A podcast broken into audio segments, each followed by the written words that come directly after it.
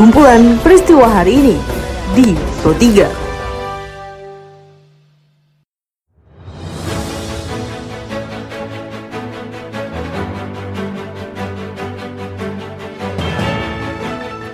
pendengar, saat ini Anda sedang mendengarkan kumpulan peristiwa Pro 3.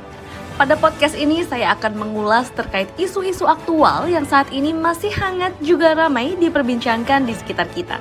Tentu saja nanti akan saya hadirkan cuplikan informasi dari reporter kami. Saya Tika Anantia. Inilah kumpulan peristiwa Pro 3 di ruang dengar Anda.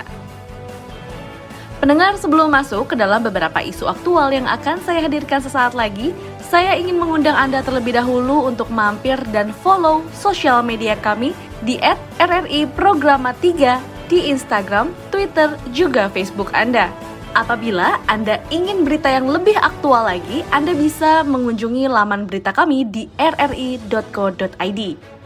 Baiklah pendengar, inilah kumpulan peristiwa Pro 3 selengkapnya. Pendengar kita dihebohkan kembali dengan adanya informasi viral tentang seorang perempuan dengan status janda di Cianjur, Jawa Barat ini bernama Siti Zainah yang melahirkan tanpa didahului proses hamil dan juga berhubungan seksual dengan pria. Menanggapi hal tersebut, berikut pernyataan dari Kepala Badan Kependudukan dan Keluarga Berencana Nasional BKKBN Hasto Wardoyo yang mengatakan bukan hal yang mustahil seorang wanita dapat hamil tanpa melakukan hubungan seksual. Lalu seperti apa penjelasannya?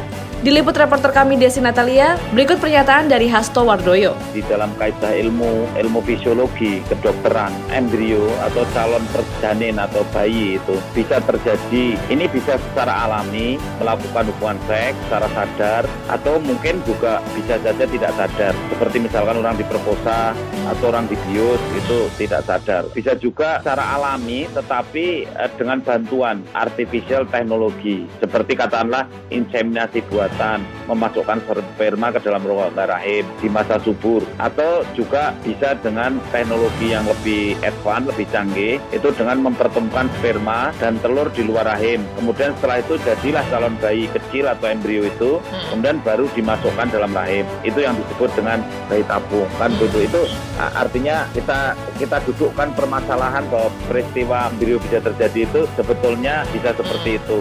Kita beralih ke informasi lainnya pendengar dari Surakarta ini terkait dengan wali kota Surakarta terpilih Gibran Rakabuming Raka menyatakan siap melanjutkan program pendahulunya yaitu FX Hadi Rudiatmo termasuk terkait dengan kedisiplinan dalam bekerja.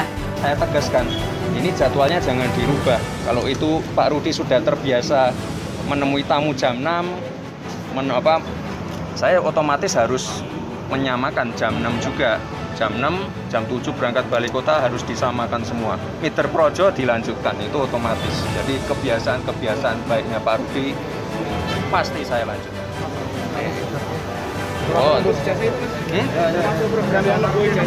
program terdekat ya mas? mas? Ya, nanti kalau dilantik, nanti nanti. Mas yang program jadi ijazah Pak Rudi juga dilanjutkan? Yang apa? Yang ijazah SMK SMA itu sudah beres itu nggak mampu nggak mampu biasanya ya masuk oh tangga tangga pokoknya kita lanjutkan yang baik-baik. Pendengar pemerintah akan memulai vaksinasi COVID-19 tahap kedua untuk kelompok lansia dan juga petugas layanan publik, mulai dari anggota TNI, Polri, guru, hingga pedagang. Diliput reporter kami Safira Amalia, berikut pernyataan dari PLT Direktur Jenderal Pencegahan dan Pengendalian Penyakit Kemenkes, Maksiren Rondonowu. Kami memprioritaskan guru karena kami ingin membantu yang tidak dapat belajar online atau virtual karena sejumlah keterbatasan dapat segera melakukan proses belajar dan mengajar secara tatap muka. TNI dan Polri juga serta kelompok petugas keamanan lain menjadi prioritas pemerintah karena memiliki peran penting dalam memantau meningkatkan proses tracing. Pemerintah juga memprioritaskan petugas transportasi publik yang terdiri dari petugas tiket, para masinis di kereta api, petugas bandara, pilot, pramugari, petugas pelabuhan, petugas Transjakarta dan MRT, supir bus, kernet, bahkan kondektur, supir taksi dan juga ojek online. Dalam tahap ini vaksinasi bagi pedagang pasar akan berlangsung selama enam hari dengan menargetkan sekitar 55 ribu orang pedagang pasar di Tanah Abang dan kami harapkan ini akan bergulir untuk seluruh pedagang pasar yang ada di DKI dan di seluruh Beralih ke informasi lainnya, pendengar DPP Pemuda, Pelajar, dan Mahasiswa melaporkan penyidik senior Komisi Pemberantasan Korupsi KPK, Novel Baswedan, ke Dewan Pengawas.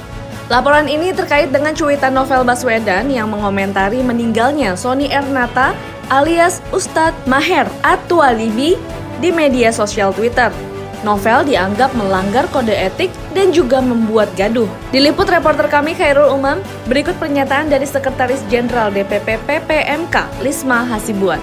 Kami sangat sayangkan di mana Novel Baswedan sebagai petugas penegak hukum di KPK dan sebagai penyidik senior di KPK membuat cuitan di Twitter yang hari ini membuat gaduh publik. Kemarin minggu lalu kita sudah laporkan beliau juga ke Mabes Polri harapan kita mungkin dalam pekan ini berharap dari Barreskrim bisa memanggil beliau Novel Baswedan dan besok juga kita akan mengirim surat kepada Ketua Komisi 3 DPR RI dan Menpan.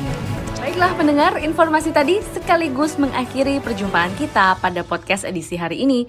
Anda masih bisa tentunya mendengarkan podcast edisi hari ini di Spotify dengan hanya mengetik Pro 3 RRI di kolom pencarian Anda. Saya Tika Anantia beserta tim editor kami Karisma Rizky undur diri. Sampai jumpa. Jalanan ibu kota DKI Jakarta masih Kumpulan peristiwa hari ini di Pro 3.